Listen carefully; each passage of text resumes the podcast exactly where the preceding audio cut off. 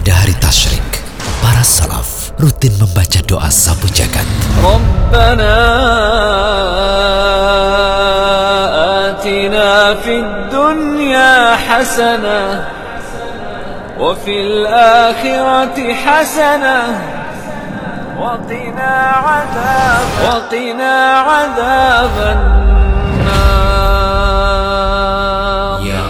Ya Allah, berikanlah kepada kami kebaikan di dunia dan berikan pula kebaikan di akhirat serta lindungilah kami serta lindungilah kami dari siksa neraka.